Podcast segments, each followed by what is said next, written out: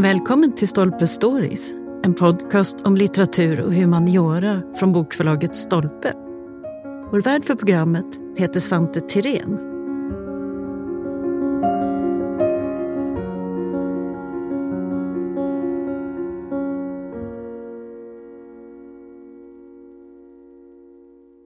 Världsarvet Engelsbergs bruk ligger i Västmanland.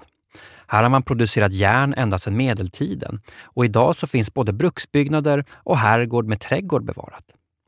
I den nya boken som heter Brukets trädgård genom tiderna så får vi lära känna det här gröna kulturarvet som finns kvar på Engelsberg.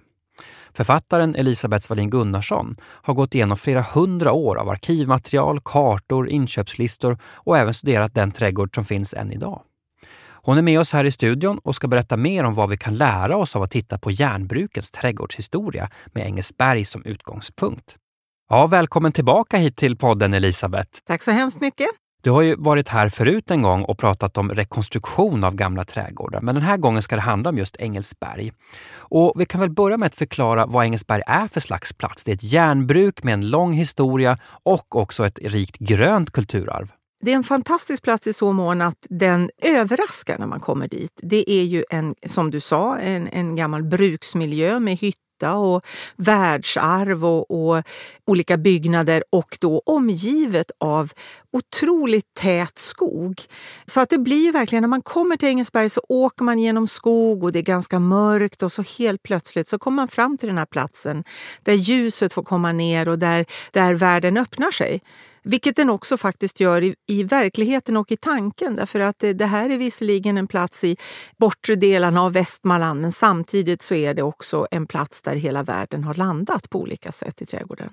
Och det är väl viktigt att säga att jag menar, det är ju visserligen en bruksmiljö men det hänger ihop med landskapet runt omkring, ja. skogen, odlingslandskapet. Det är ett ganska stort eh, kulturarv det här. Det är det verkligen och, och det är ju också det viktiga att, att berätta också är att det ligger mellan två sjöar och där går då en å däremellan vatten som har varit kraften för hela bruksnäringen. Utan vattenkraften så hade man inte kunnat ha en hytta där. Så att vattnet är också viktigt och som sagt skogen för att få bränslet för att göra kol till de här hytterna. Så det här är en miljö där allting hänger ihop och allting är beroende av varandra kan man säga. Just det, tillgången till vattenkraft, tillgången till skog för att göra träkol och förstås närheten till gruvorna. Där ja. har man liksom receptet för ja, en exakt. bruksmiljö. I alla fall på den tiden. På platsen där Engelsberg ligger idag så har det ju bedrivits någon typ av järnframställning då, sedan urminnes tider, alltså medeltiden kanske ännu äldre. Och just namnet Engelsberg har ju en intressant bakgrund. Namnet Engelsberg har med Englika att göra. Och Englika var farfar till Engelbrekt som senare blev känd i den svenska historien som upprorsman. Men Englika, han var ju en väldigt spännande person för han var både borgare i Västerås, det vet vi, men det finns också då eh, papper på att han ägde ägde hytta i Engelsberg. Och det är det som också är väldigt spännande därför att är man i Västerås och har en tomt där, då har man också en kontakt med världar utanför. Så vi knyter liksom ihop staden och landet genom denna person. Och det är också spännande eftersom man idag när vi är så stadscentrerade tänker att landsbygden och särskilt längre tillbaka att de var avskilda från världen och hade ingenting med världen omkring att göra. Och det tycker jag är så spännande att man ser att här finns den där kontakten. Det finns influenser som kommer till den här lilla platsen i Västmanlands skogar. Engelsberg har aldrig varit en isolerad plats utan Nej. det har varit en, en mötespunkt. Ja, faktiskt.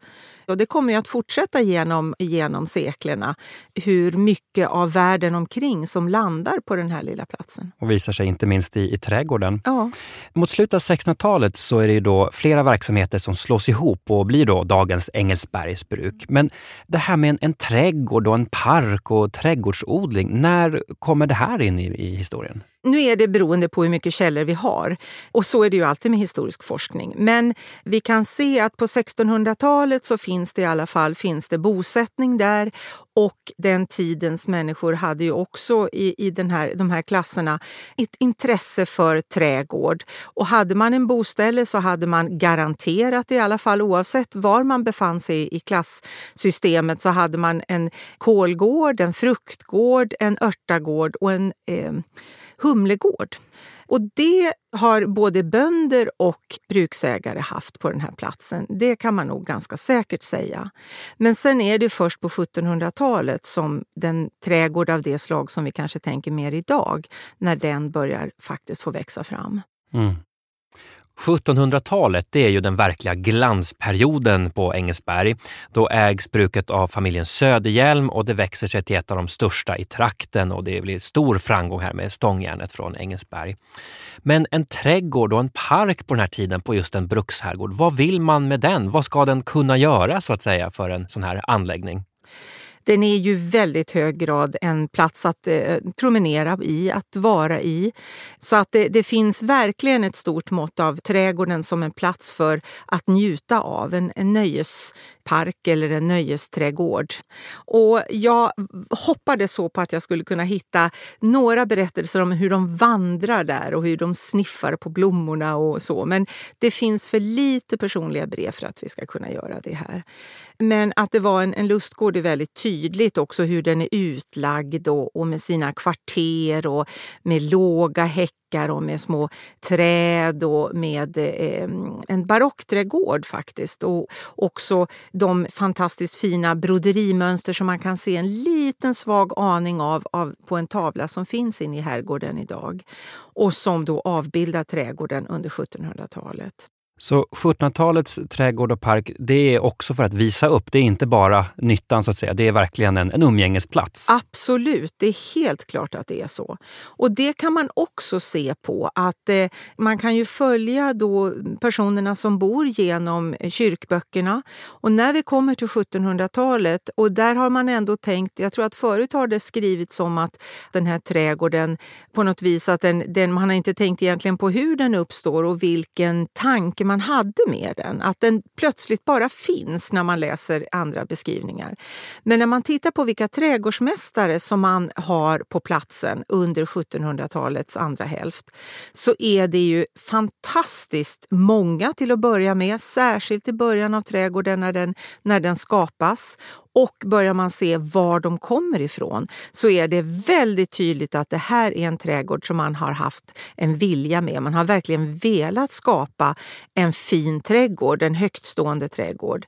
För flera stycken av trädgårdsmästarna kommer från Stockholm och inte bara Stockholm i största allmänhet utan två församlingar där i princip de riktigt fina och stora trädgårdarna i Stockholm fanns. Kungsträdgården, Humlegården, många andra trädgårdar också Alex trädgård till exempel, där man också utbildade trädgårdsmästare.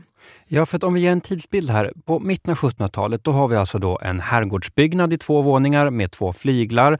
Och där bor förstås då familjen Södhjelm då i herrgården och flyglarna. Och sen har vi själva bruksmiljön då och där bor ju både smeder och hyttarbetare, sådana som är säsongsanställda och andra, men förstås också en stor stab då med de som jobbar inom lantbruket och jordbruket.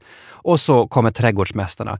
Det är kort sagt en ganska stor stab av människor som ska hålla det här. Otroligt stor. Med alla de inslag som fanns i trädgården av prydnadsväxter, av köksodling, av fruktodling och så vidare så krävdes det ju många händer, mycket av trädgårdens hantverk verkligen. Att det är frösådderna och det är att ta hand om dem och driva upp dem och det är utplantering och det är att sköta och arbeta med jorden och det är ogräsrensning och det hade man ju ofta dalkullor som kom för att speciellt rensa ogräs till exempel. Och vattningen inte minst som är en otroligt stor uppgift under varma sommar. Så att eh, det, det behövdes verkligen många människor i trädgården. Och just att trädgårdsmästaren får en egen bostad mm. i den här bruksmiljön, det är ett statusyrke att vara trädgårdsmästare. Absolut är det det. Och i mitten av 1700-talet, eller 1730-talet, då får vi också ett skrå för trädgårdsmästare precis som man har för andra hantverksyrken.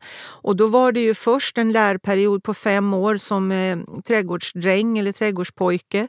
Och sen så fick man då arbeta hos en trädgårdsmästare och så småningom så fick man avlägga både praktiska och teoretiska prov för att bli trädgårdsmästare. Och då betydde ju verkligen mästare i det här ordet någonting. Mm. En av de här trädgårdsmästarna under den söderländska tiden som du har tittat på, det är en som heter Grönberg. Vad hade han för livshistoria? Abraham Grönberg som den första hette då, han, han eh, hade praktik med sig utifrån och kom till Engelsberg på 1700-talet och var en av dem som var med och göra om den här stora trädgården till någonting annat. Det finns fyra generationer Grönberg senare som då kommer att vara i trädgården och bo där. Det är en väldigt hög kompetensnivå skulle vi säga idag. på de här. hög kompetensnivå. En av Grönbergs sönerna är ju på Ulriksdal till exempel som heter Jakobsdal då. Och han har också en kamrat där som har varit på andra eh, gods och gårdar. Så att man ser liksom att de får med sig kunskap i den högre trädgårdsodlingen verkligen. Mm. Engelsberg är ju bara en av flera bruksmiljöer här runt om i Västmanland som finns under den här tiden. Skiljer Engelsberg ut sig någonting eller har alla bruk såna här snygga trädgårdar och parker? Hade man den här typen av herrgårdar och man ser inte bara bruksvärden i Västmanland utan också i Norduppland med Forsmark och eh, Österbybruk och Söderfors och så vidare. Där fanns de här trädgårdarna. Och 1700-talet är ju en period när personer från den här klassen de ger sig ut i världen och gör sin grantour och tittar på den, man studerar, man får med sig så mycket influenser utifrån. Och det landar väldigt ofta i trädgård, för det tittar man alltid på. Och jag tror idag så är det ju så att trädgården har inte samma status för oss som den har haft tidigare i historien. Tyvärr. Mm. Om man var någon i samhället så hade man en trädgård, absolut. Och därför ville man ju verkligen, man tävlade lite med varandra och liksom ha det finaste. Och alla influenser som kommer in inom 1700-talet, dels med hela Ostindiska kompanierna när de tar hem idéer om den kinesiska trädgården som är väldigt stor del av den engelska landskapsträdgårdens tankegångar. Men också att man eh, tar med sig allt det som man hittar då i Rom och i den antika världen. Eh, 1700-talet är ju verkligen ett återfödande, återigen, av antikens historia och eh, konst. Och då för man ju också in det i trädgårdarna. Så det är ett till lager av det här. Alltså trädgården, det är också ett bildningsideal som man gestaltar Absolut. med det här. Och faktum är att det kunde vara säkert på många ställen nog så avslöjande att gå i en sån här trädgård därför att man förutsattes veta någonting om de här platserna och kanske det fanns dikter som var kopplade som man hade läst om och som kanske är grunden för hur man har gjort den här platsen. Eller små platser i trädgården där man går runt. Och då skulle man också känna till det och kunna fälla några kloka kommentarer om det här eller läsa ett stycke ur den här dikten och så vidare. Och det, det var faktiskt samma sak i, i Kina också, det här att det är en, en snitslad bana kan man säga där man kommer till olika platser som ger olika känslor och olika litterära kopplingar. Det är en otroligt mångfunktionell trädgård ja, då. Alltså eller hur? Det finns ju då en målning inne i herrgården, förmodligen från 1770-talet, som visar på ett ungefär hur den tidens trädgård ser ut. Och då kan vi försöka beskriva för lyssnarna här att då ser man alltså herrgården norrifrån och man ser att trädgården den är indelad i kvarter, alltså stora fyrkanter då. Och inom dem så växer olika saker. Vi har alléer med träd här och så har vi den vita herrgårdsbyggnaden då också här i centrum och så. Är det här en idealbild eller var det ungefär så här det såg ut? Man har gjort gjort på senare år en skanning av markytorna där man kan skanna sig ner på flera meters djup. Och då har man sett att den här bilden i herrgården den överensstämmer med de lämningar som finns kvar under jordlagren. Så att det har man faktiskt kunnat eh, fastslå att så här såg trädgården ut. Kvarteren fanns där, buskmaterial, trädmaterial, sånt kan man också se. Och det är så intressant att på något sätt så verkar det som att när man då gjorde nya trädgårdar så grävde man inte upp buskar och träd, man sågade av dem precis vid jordytan och då skapas det också håligheter där man kan se att buskar och träd till exempel har stått på den plats som en bild visar. Mm. 1700-talet då är ju fortfarande mycket inne i barockens formvärld och tankar kring trädgård. Men så kommer ju då den engelska landskapsparken Ja. som ett helt nytt ideal i slutet av 1700-talet. Vad, vad är den stora skillnaden mellan gammalt och nytt här? Ja, alltså den, den barocka trädgården bygger ju verkligen på ett maktspråk på många olika sätt. Att vi som människor vi har makten över den här naturen. Vi kan använda det gröna materialet som om det vore byggnadsmaterial. Och det ser man ju på de klippta häckarna, de tuktade träden, alléernas raka linjer. Alltså man använder materialet som ett byggnadsmaterial. Och det är en väldigt insluten och ganska stängd del även om man alltid har siktlinjen som ger oss en promenad ut i landskapet. Medan den engelska landskapsträdgården ju var en, en reaktion mot det här, inte minst från Englands sida gentemot den franska världen som ju var ärkefienden och man ville verkligen frångå det här strikta inknutna trädgården som det handlade om, som också var ohyggligt dyr att sköta, det ska man inte glömma. Och då får man ju också med olika lag, lagar i England som gör att landskapet då blir inhägnat på ett annat vis och blir allt mer trädgårdslikt i sig. Men också att man runt de här gårdarna tar bort sina gamla eh, barockträdgårdar och skapar ett landskap där man säger, precis som kineserna sa, att det ska se naturligt ut men vi människor vi verkar ha en förmåga att göra det ännu vackrare än vad naturen verkligen är. Så man liksom, det är extra allt av naturen kan man säga. Det är mer naturligt än naturen själv. Det är mer själv. naturligt än naturen själv, för det är bara då det kan bli så där riktigt perfekt. Men man ska söka alla svar i landskapet. Det är där vi ska hämta vår inspiration. Och då handlar det också, man hade ju många olika teorier om hur det här skulle ske. I kanske något mera normala omfång så handlar det om kanske att gruppera träd i grupper grupper, att eh, söka rätt på de där stora vackra träden som kunde bli som enskilda statyer nästan i trädgården, att hitta vattnet som rör sig på ett naturligt sätt genom landskapet och att lägga ut siktlinjer till andra vackra delar och gärna också smycka det här landskapet med antika tempel och så vidare. Så det är inte bara en eh, skifte här alltså i, i stil och utseende, det handlar också om helt andra tankar och värderingar om vad en trädgård ska, ska Absolut, vara? Det, det är väldigt, väldigt viktigt att man, man kliver in i en helt annat tankesätt och en annan värld med de här landskapsträdgårdarna. Mm. Engelsbergs trädgård då, det är ju en, i stort sett en barockträdgård, barockpark då, långt in på 1800-talet egentligen. Men det kommer ju en ny ägarfamilj så småningom. Tim heter de i efternamn. De kommer till bruket då på 1820-talet och då gäller ju det här nya idealet. V vad är det som händer på Engelsberg då? Då har man tröttnat på både barocken och landskapsträdgården. Börjar tycka att det här är lite tråkigt. Man vill få in blommorna. Man får eh, inspiration utifrån som vanligt. I Sverige kallar vi det ofta för den tyska stilen som egentligen tar upp delar av landskapsparken, till exempel de slingrande stigarna. Men den tyska stilen har då en symmetri i stigarna och också fyller ut alla mellanrum som man kan komma åt med otroliga blomsterrabatter. Gärna de här tapetrabatterna som var utplanterings och ettåriga växter som bildade det mest sagolika mönster. Och eh, sen finns det också en stil som jag tycker är lite viktig att nämna eftersom det ligger närmare Engelsberg egentligen och det är det som kallas för gardenesk. Och det var en engelsk utveckling av det här. Eh, ganska lik den tyska stilen men inte alltid symmetriskt. Kanske lite friare i sin rörelse. Och det kan man nog se mer av egentligen i Engelsbergs trädgård. Det första ägarparet här då i familjen eh, Tim, det är ju alltså då Gabriel Kasper Tim och hans fru Matilda Lovisa. Ja. Och från dem finns det ju ett otroligt källmaterial bevarat också. Ja. Vad är det för någonting? Ja, det, det, bortsett från de här trädgårdsmästarna på 1700-talet som jag upptäckte så blev man ju överlycklig över alla dessa anteckningar och eh, ekonomiska räkenskaper och hushållsböcker böcker. Och tyvärr finns det ju inte så väldigt mycket brev kvar, det kan man ju verkligen sakna.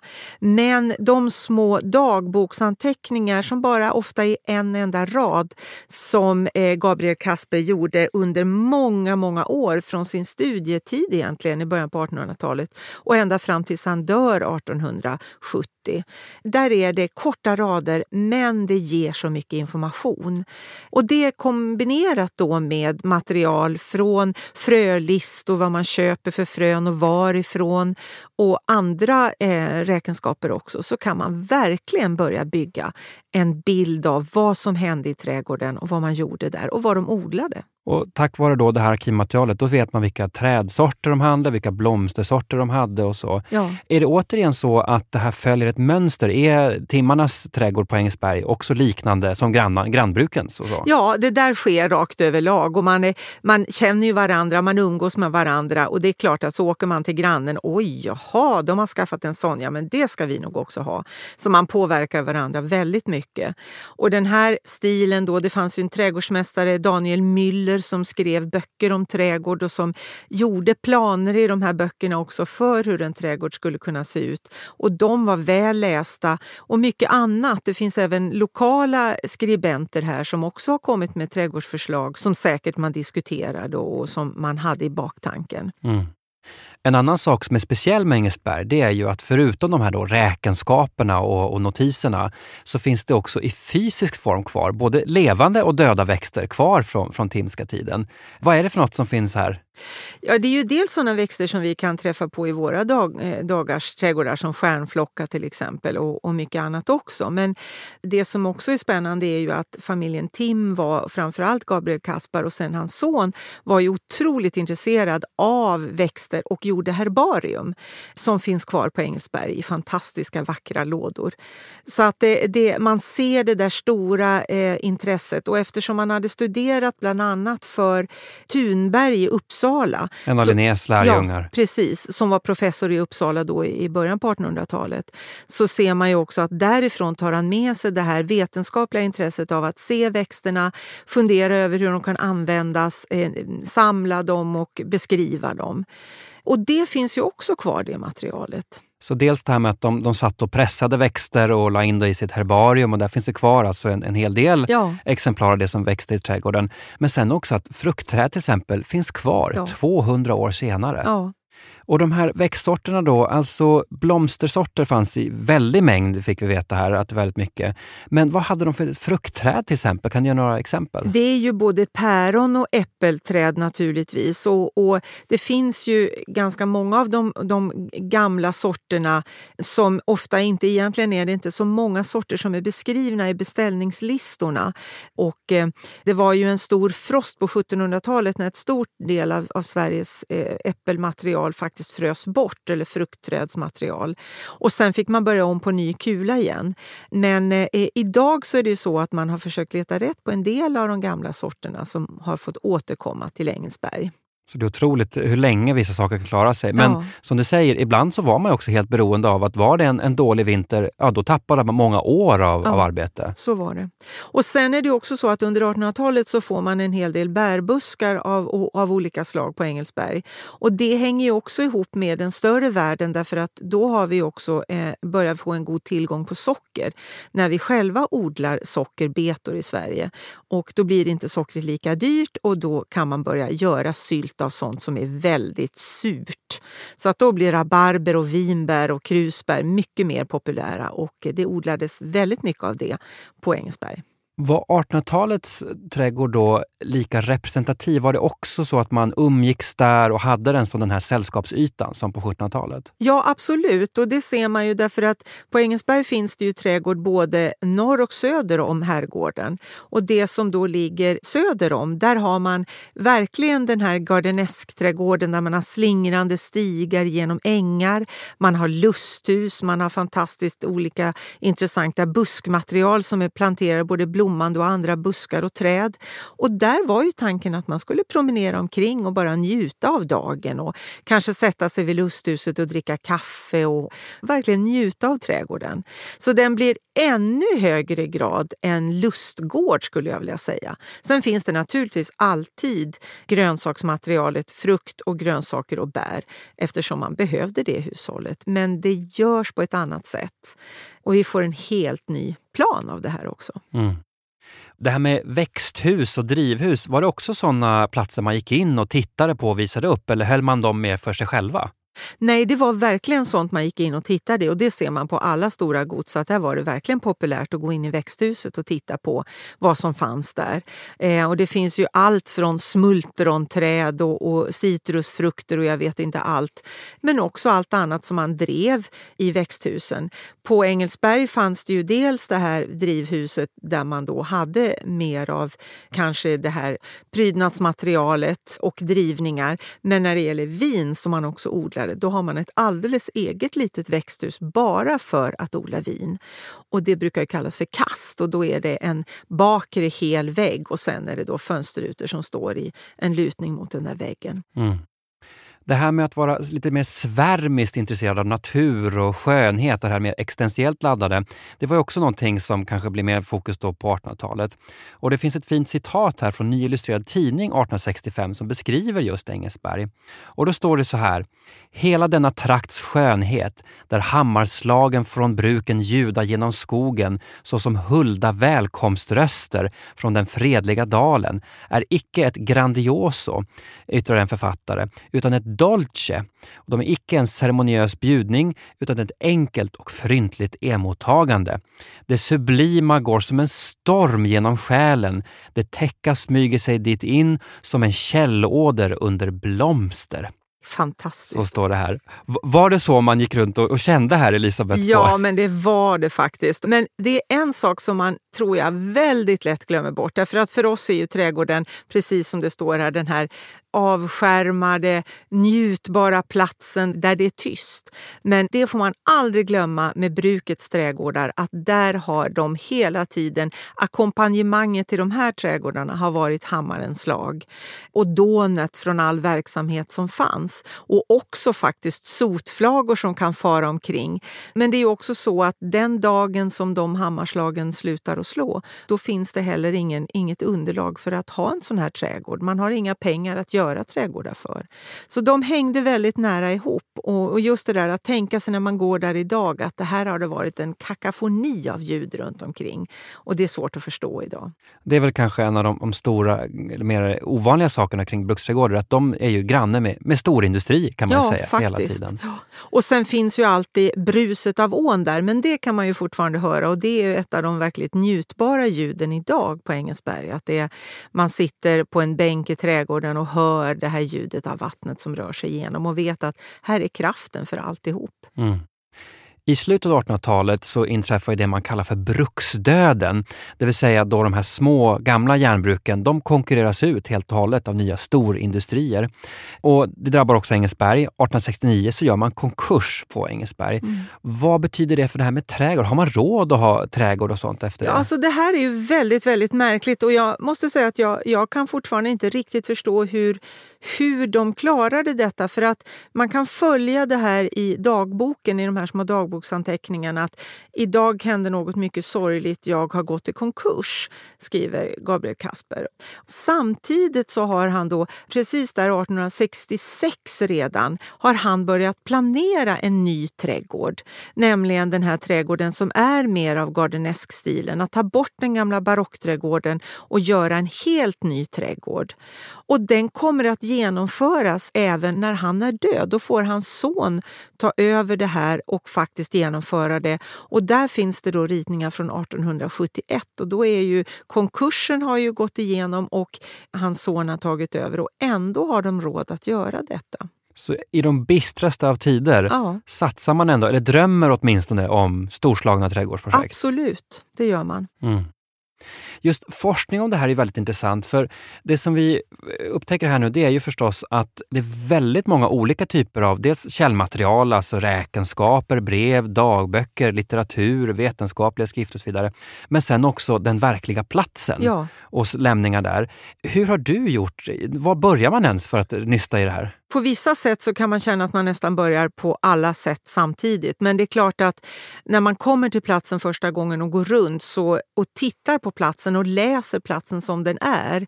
Sen börjar man då titta och jag, just planer och kartor tycker jag det är ju oerhört intressant. Och att, att se dem och sen när jag började på mitt arbete då fanns ju redan den här markskanningen. Så att då kunde jag ju också jämföra och se, ja men det här är ju verkligen den tidigaste planen, barockträdgården och här har vi Inge Engelbergs trädgård och, och, hur det är gjort. Och Sen går man ner i närkamp med de här kartorna och planerna och tittar på detaljerna och så vidare.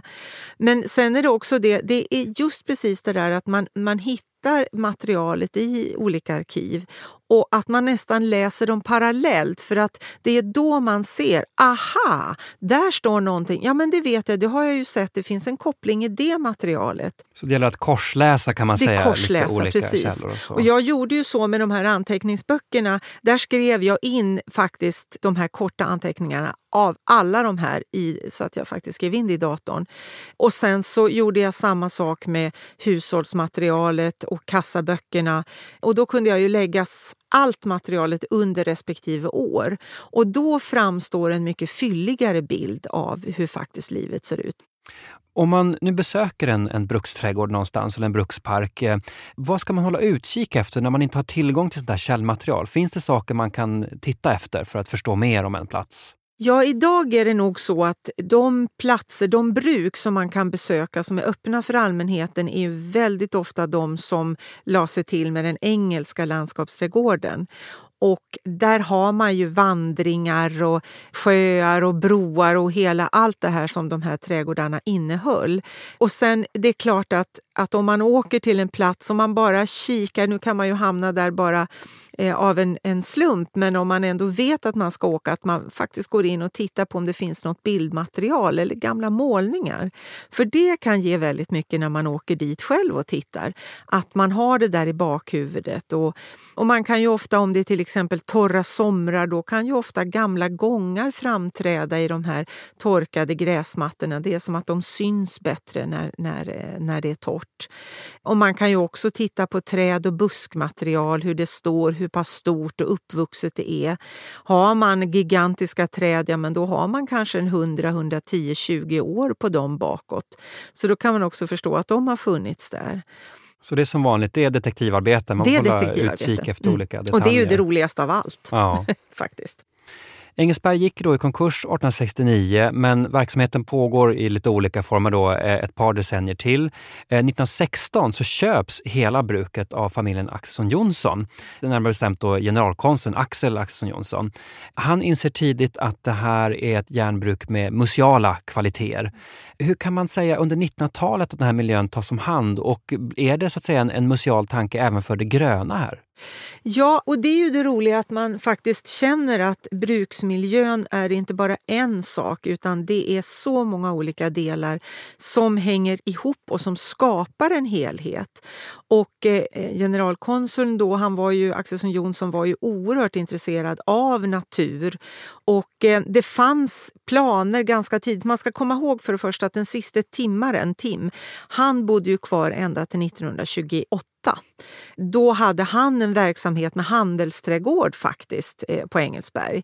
Och eh, sen så småningom så börjar man då fundera på när, när Axelsson Jonsson verkligen tar över och, och kommer att fin, befinna sig på platsen mycket mer. Då finns det förslag som går ganska långt i att göra om väldigt mycket av den här miljön. Torben Groth, eh, eh, arkitekten, har, vill skapa en annan värld men där säger man väldigt snabbt stopp. Nej, det är inte det vi vill göra utan vi vi vill på sant arts and crafts-vis bara ta hand om det gamla som finns här. Se till att det står, utveckla de miljöerna istället och inte bygga om och göra nytt utan på ett sätt frysa en tid i brukets historia.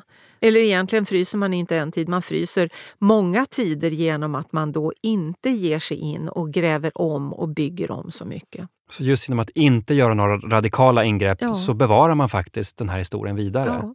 Så idag kan man ju då i, i trädgården så kan man ju vandra i alla tider samtidigt egentligen. Och det är det som är så fantastiskt med trädgård, tycker jag. Samtidigt som en trädgård i sig aldrig kan stoppas i ett skede för det växande växer alltid på. Så det finns ingen möjlighet att liksom frysa en trädgård i en tid utan den kommer att ha mycket egna idéer om, om den saken. Mm. Under de sista åren så har man gjort en stor satsning där man faktiskt har rekonstruerat, då, delvis i alla fall, den här barockträdgården. Man har rekonstruerat kvartersindelningen där eh, och nu odlar man på ett annat sätt än tidigare och så. Och det här med att, eh, så att säga, redovisa olika historiska tidsepoker i en trädgård, gör man det i form eller innehåll eller hur gör man egentligen för att det här historiska ska liksom komma fram?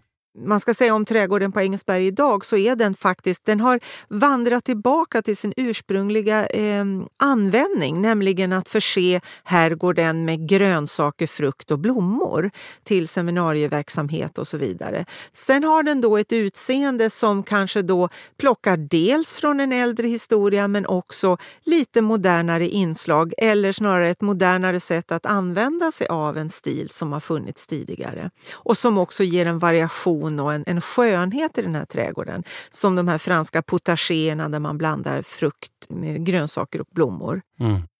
Idag finns det ju ett stort intresse för just gamla kultursorter. Det finns till och med egna kataloger och firmor som bara jobbar med just grönt kulturarv. Då. Är det några favoriter du skulle vilja odla själv eller kan rekommendera till våra lyssnare? Ja, om man ska ta några ätliga sorter av grönsaker så finns det ju krypärtor ärtor och eh, ordinarie gurkkärnor, slanggurka, spansk lök och, och marska rovor som möjligen kan vara en förvildad stickrova. Gotlandsrovor och olika typer av morotsfrön förstås. Kruspersilja, viktigt. Och eh, man har också tidiga meloner, frön till det. Kantalopmeloner odlas också i växthuset på Engelsberg. Väldigt mycket att inspireras av helt enkelt. Väldigt mycket. Och boken är full av det. När man pratar om järnbruk, det är många järnbruk idag som är kulturmiljöer som man kan besöka som museum eller guidad visning och så vidare.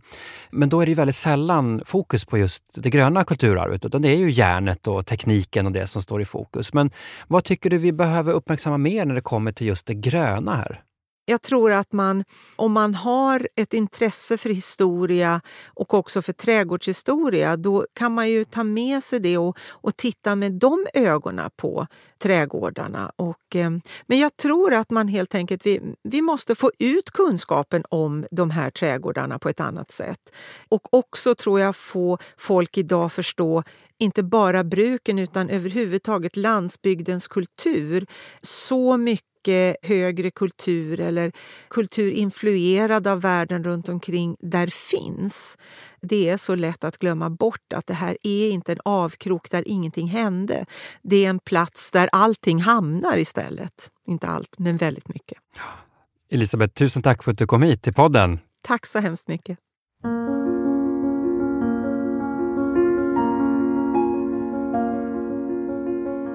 Tack för att du har lyssnat på Stolpe Stories. Missa inte att du som lyssnar har 20% rabatt på bokförlaget Stolpes titlar hos Bokus.com. Aktivera rabatten genom att ange koden STOLPE20. Och för att lyssna på fler avsnitt, följ oss där poddar finns och på sociala medier.